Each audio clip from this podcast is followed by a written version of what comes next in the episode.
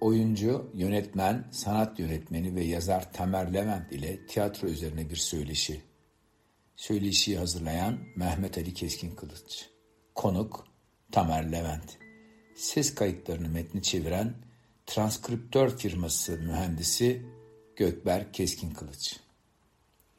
Biz daha güzel ve daha anlaşılır bir dünya için sanata evet diyoruz diye Sanata Evet sloganı ile 1994 yılında bugüne kadar devam eden projenin sahibi, oyuncu, yönetmen, sanat yönetmeni ve yazar Tamer Levent ile birlikteyiz. 1971 yılından bugüne yarım asırdan fazla tiyatro emek vermiş olan Tamer Levent ile hoş bir sohbet gerçekleştirdik. Ben sordum, Tamer Levent cevapladı. Çok samimi, içten, öğretici ve ilham verici bir sohbet oldu. Siz değerli fikirperver okuyucularını fazla meraklandırmadan hemen söyleşiye geçmek istiyorum. Ancak söyleşiden önce kısa bir Tamer Levent biyografisi sunmak istiyorum. Tamer Levent 1971 yılında Ankara Devlet Konservatuarı tiyatro bölümüne girdi. Ankara Devlet Konservatuarı Yüksek Bölümünden 1977 yılında mezun oldu. Devlet tiyatrolarında önce oyuncu, daha sonra yönetmen olarak çalışmalar yaptı. Devlet Tiyatroları Genel Müdürlüğü ve Genel Müdür Yardımcılığı görevlerinde bulundu. Yönettiği oyunlarla Rusya, Kanada, Güney Kore, İran ve Kuzey Kıbrıs'ta festivallere davet edildi. Devlet Tiyatroları Opera ve Balesi Çalışanları Vakfı TOBAV ile Tiyatro Oyuncuları Meslek Birliği TOMEP kurucusu ve ilk genel başkanıdır. Değerli abicim, kıymetli hocam, öncelikle hoş geldiniz. Yoğun çalışma temposundan Fikirperver dergisine zaman ayırdığınız için çok teşekkür ederim. Öncelikle en baştan sizden başlamak istiyorum. Ve ilk soruma geçiyorum. Tiyatro, insanların duygularını ve düşüncelerini ifade etmek için güçlü bir araçtır. Tiyatroya olan ilginizi ve tutkunuzu nasıl keşfettiniz? Evet Mehmet Ali dediğine çok katılıyorum. Çünkü tiyatro insanların kişilik gelişimine son derece katkıda bulunan bir aynadır yaşamdaki başka insanları, onların davranışlarını, psikolojilerini, düşüncelerini de e, hani böyle sahnede, laboratuvarda izliyormuş gibi izleme imkanı vardır. Ben de e, çocukluğumda insanların davranışlarının nereden geldiğini merak ederdim. Özellikle mesela okuduğum okulda, lisede e, öğretmenlerin e, çocuklara karşı son derece ciddi davrandığını, idarecilerin son derece böyle yüzlerinde hiçbir gülme ifadesi olmadan dolaştıklarını görürdüm. Fakat sonra bazı günlerde de kendi aralarında konuşurlarken son derece samimi ve sıcakkanlı olduklarını izledim. Bu durumda onların rol oynadığını düşündüm. Yani çocuklarla laubali olmamak için öyle davrandıklarını ve bu e, bunlar benim insanın davranışlarının e, köklerini anlamak gibi bir merak e, içerisine girmeme sebep olmuştu galiba. Lise 1'de bir edebiyat hocamız vardı. Onun e, bir oyununda e, başrol oynadım önce. Sonra lise 2'de ve lise sonda fen bölümünde olmama rağmen okulun tiyatro kolunda aktif görev, görev aldım.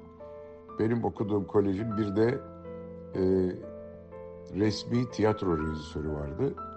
O bir gün öğlen e, tatilinde basketbol oynarken beni keşfetmişti. Tabii bu macera lise bittikten sonra da sürdü. Üniversite sınavlarında siyasal bilgileri kazanmıştım. Oraya kayıt yaptırmak için Ankara'ya gittiğimde Ankara Devlet Konservatuvarı'nın tiyatro bölümü olduğunu keşfettim. Arkadaşlarımın ısrarıyla onun sınavına girdim daha sonra. Sınavı seviye sınavı olarak yani bir tür üstün yetenek sınavı olarak kazanınca da siyasal bilgilerden ön kaydımı alıp e, Ankara Devlet Konservatuarı tiyatro bölümüne parasız yatılı öğrenci olarak kaydoldum. Üç sene orta, iki sene yüksek olmak üzere tıp okur gibi beş yıl orada okudum. E, ve bu okuma sırasında hep kendimi insanı tanımlamak üzerine geliştirdim oynayacağım rolleri insanı analiz ederek yorumlamaya çalıştım. Ee, sanat kavramının ne anlama geldiğini anlamaya çalıştım. Ee, daha sonra okul bittikten sonra da e, İngiltere, daha sonra Almanya, daha sonra Amerika'da bana burslar verdi.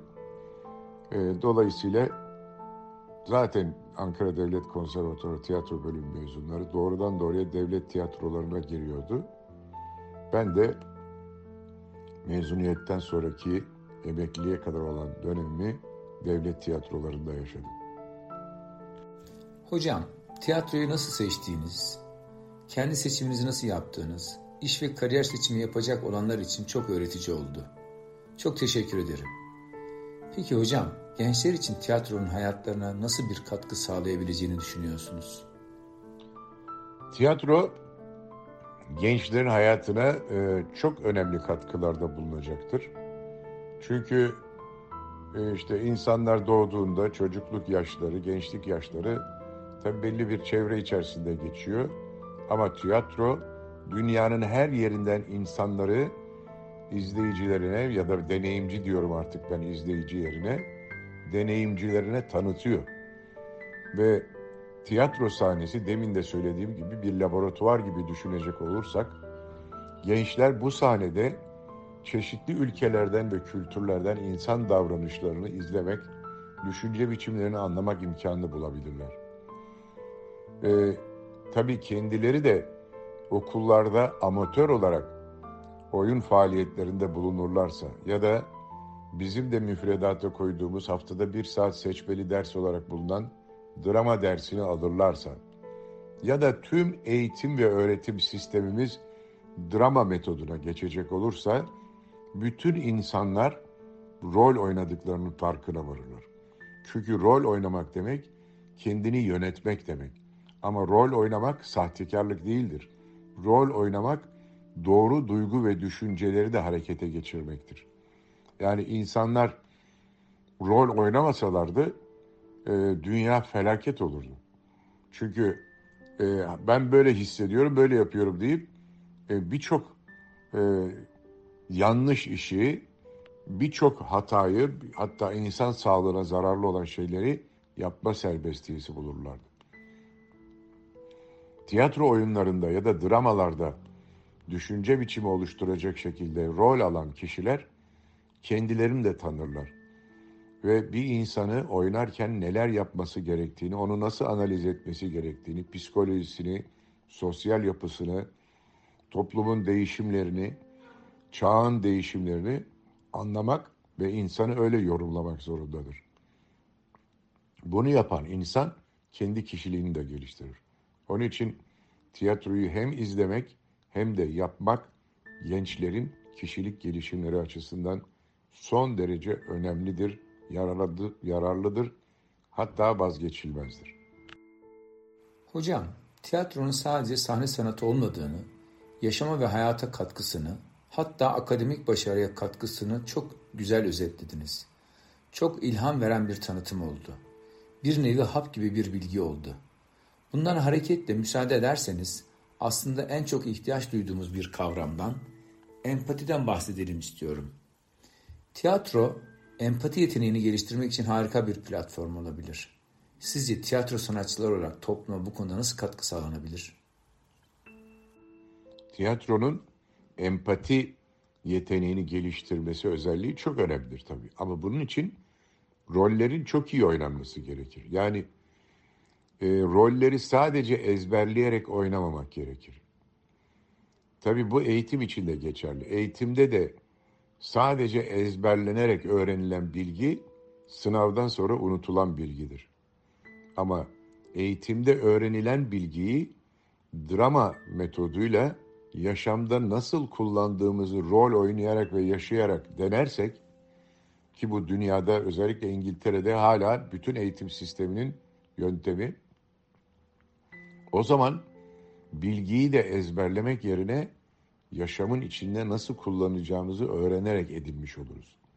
Yani bilgi edinmek düşünceyi geliştirmeyi, düşüncenin gelişmesi ise insanın düşündüğüyle yaptığının aynı tutarlık içerisinde olmasını sağlar.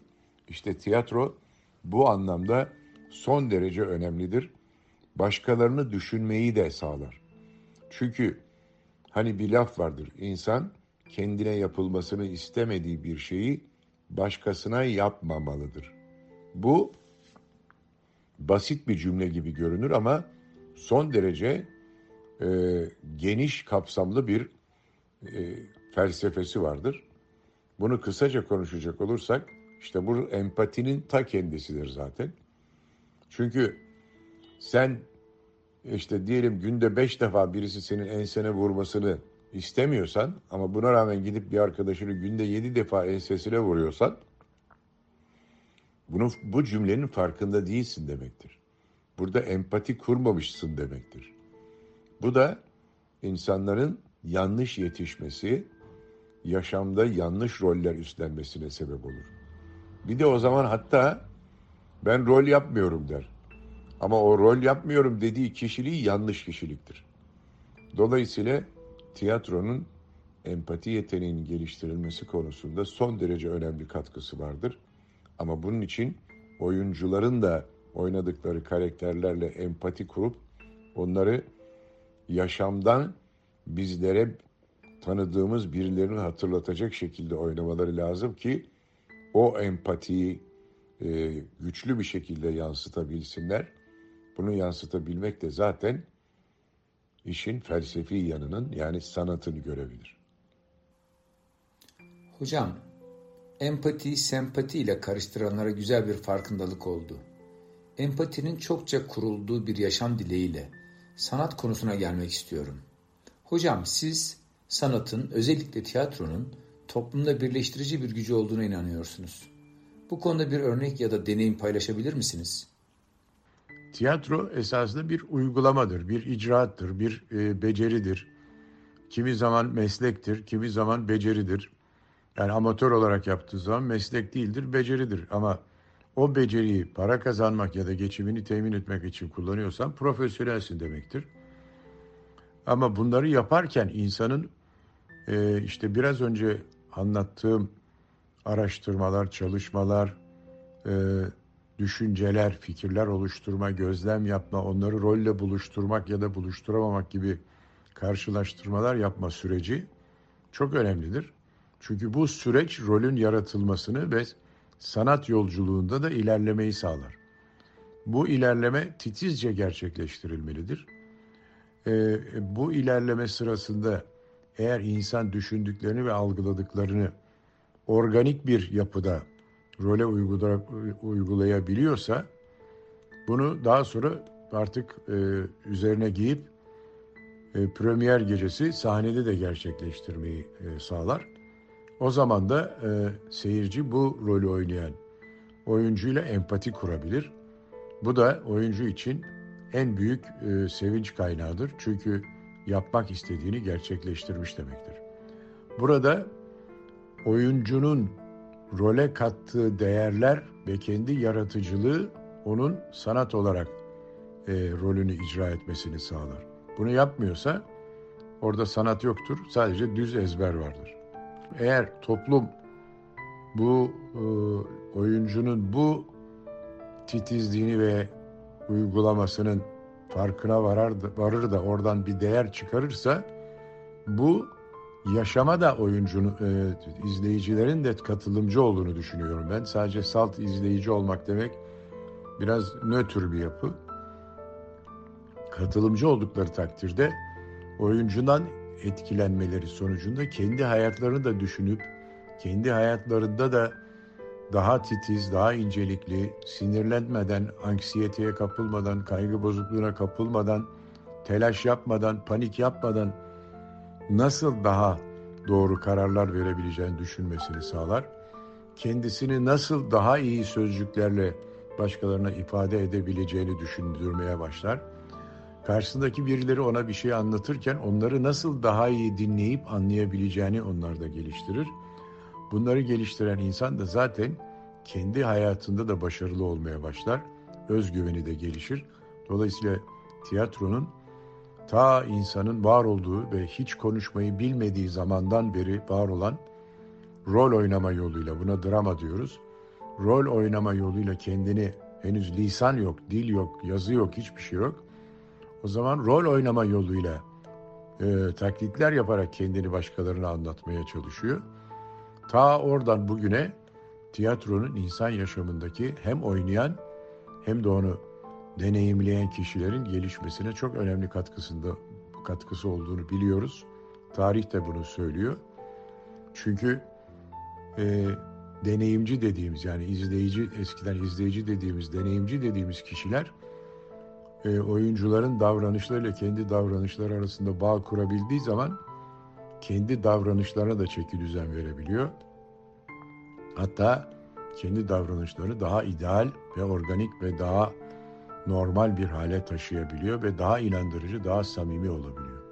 Halbuki bizim toplumumuzda gelişmemiş bir tiyatro kültürü olduğunu varsayacak olursak bu kültürde bana tiyatro yapma derken bana yalancılık yapma demek istiyor toplum.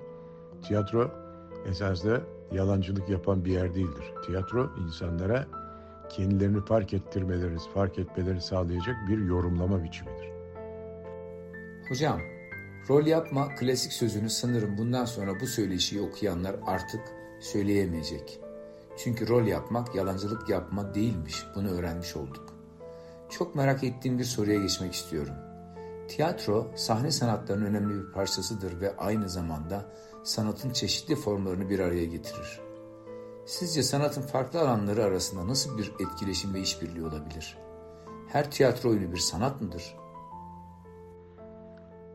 Tiyatro sahne sanatlarının adeta özüdür, başlangıcıdır. Çünkü dediğim gibi ilk insan avdan döndüğü zaman kendi kabilesine mağaranın önünde rol oynayarak nasıl avlandığını rol yaparak anlatmıştır. Tiyatro sözcüğü daha sonra antik Yunan döneminde teatron yani bu oyunların izlendiği alan anlamına gelir tiyatro.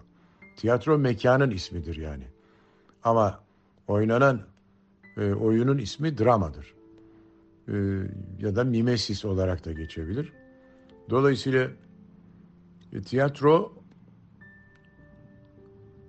esasında bir beceridir. Daha ilk sorularda da cevap verdiğim gibi.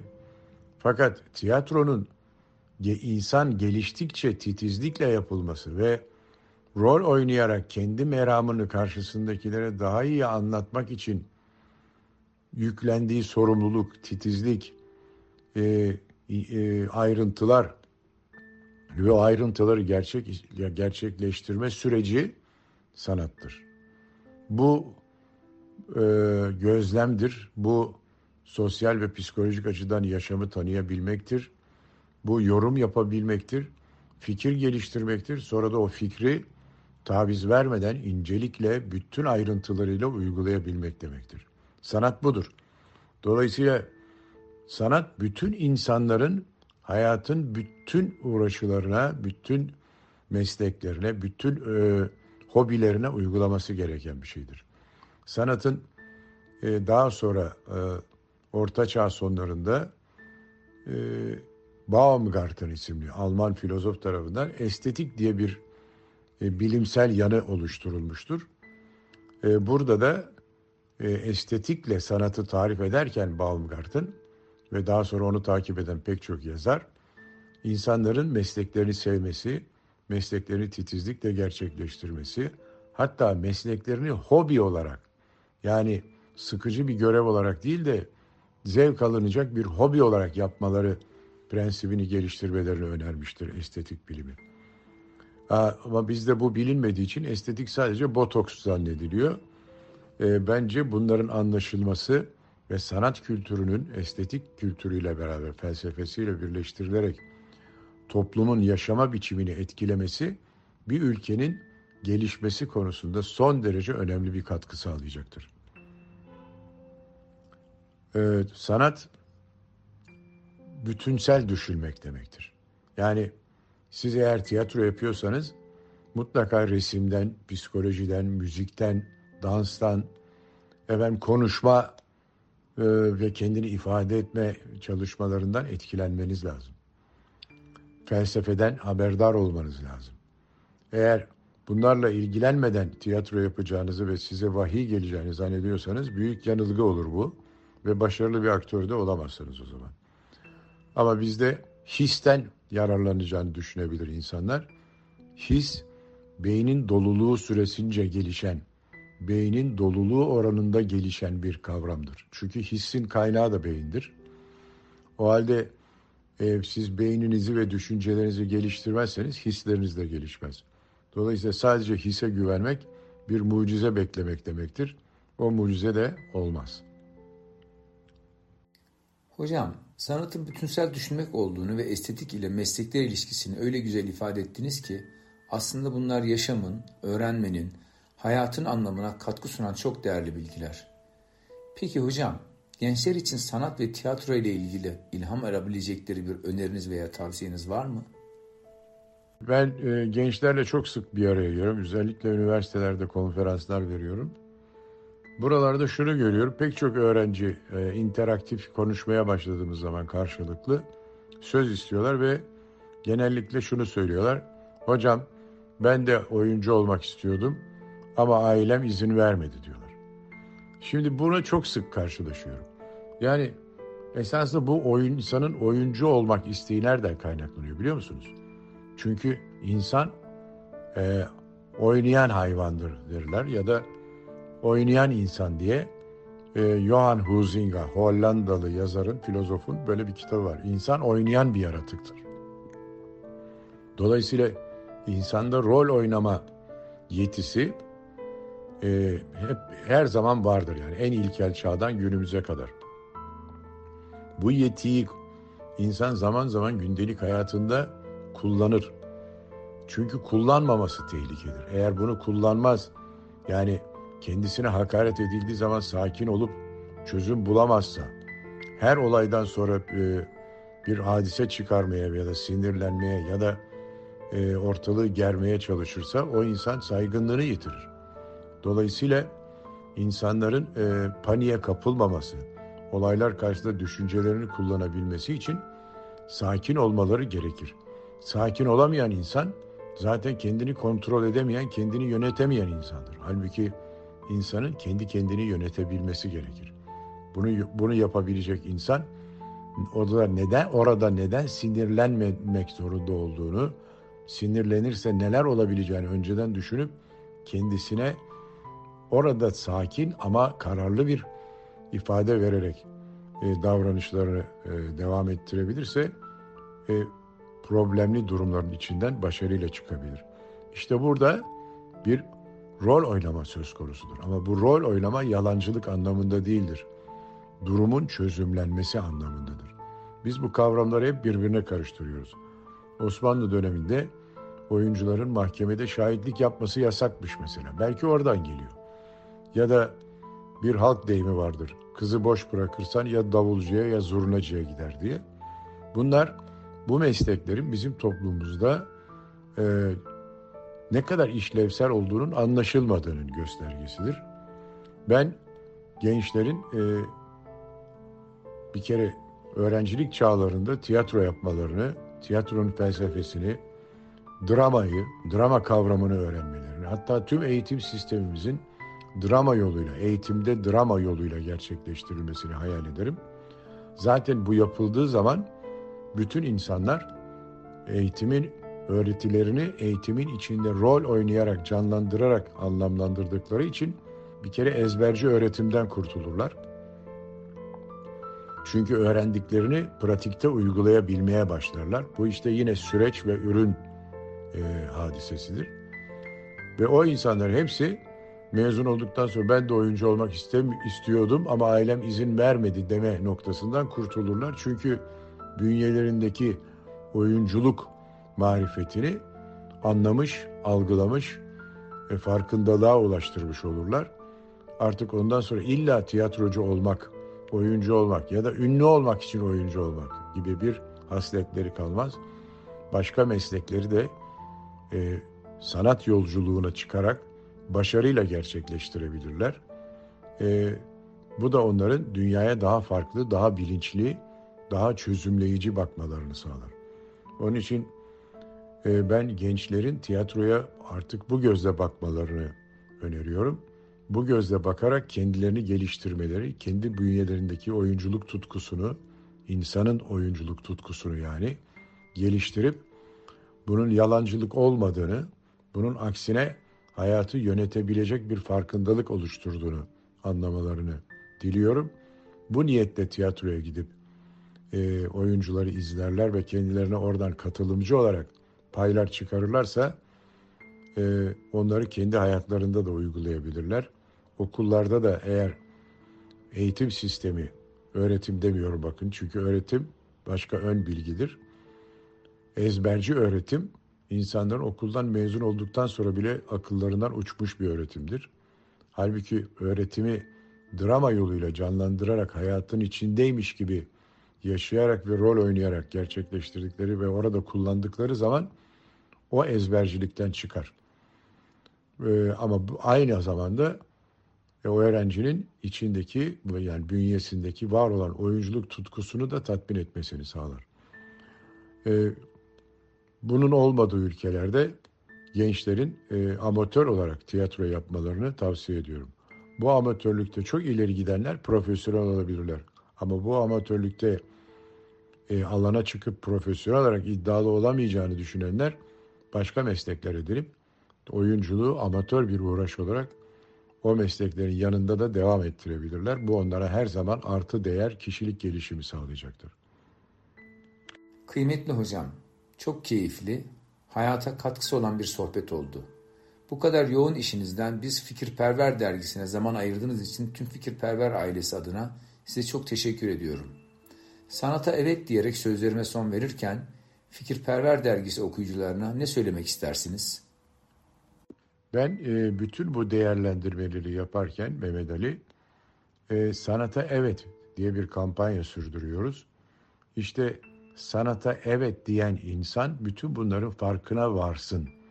Ve bunların farkına vararak sanat kavramını yaşamının her alanında, her saniyesinde ve yaptığı hangi meslek olursa olsun o mesleği özenle, titizlikle, düşünce üreterek, fikir üreterek ve o fikirleri yukarıda da söylediğim gibi en ufak taviz vermeden hatta ürettiği fikirden daha mükemmel bir şekilde gerçekleştirmeye çalışarak çalışarak, çalışarak, çalışarak, düşünerek bilinçli bir şekilde gerçekleştirmesi gerekir diyorum. Duygu e, zaman zaman bu bilinçli gerçekleştirmenin içinde insana haz veren bir yapıdan ibarettir. Ama sadece duyguya güvenerek bunları yapacağım derse bunu düşünen kimse yanılgıya düşer ve yaptığı işin farkına da varmaz. Onun için sanat sadece duygudan ibaret değildir. Aksine sanat düşünmek, bilmek ve fikir oluştur o fikrini oluşturduğu projeyi gerçekleştirmek demektir. Onu da titizlikle yapmak demektir. Hangi iş kolunda, hangi meslekte, hangi hobide olursa olsun sanat geçerlidir. Sadece resim, heykel, tiyatro, müzik, mimarlık için değil. Bütün yaşamın için. Ünlü tiyatro adamı Bertolt Brecht diyor ki, sanatların en yücesi yaşama sanatıdır. Her şey insan için. Değerli hocam, sevgili abiciğim, bunca yoğun işlerin arasında Fikirperver dergisine bana kıymetli zamanla ayırdığın için tekrar çok çok teşekkür ederim. Bir insan bir kitap okuduktan sonra asla eski insan olmazmış. Bu söyleyişi okuduktan sonra da, dinledikten sonra da asla tiyatro ve sanata, estetiğe bakışlar artık eskisi gibi olmayacaktır. Yine her zaman olduğu gibi sağlıcakla kalın, hoşça kalın.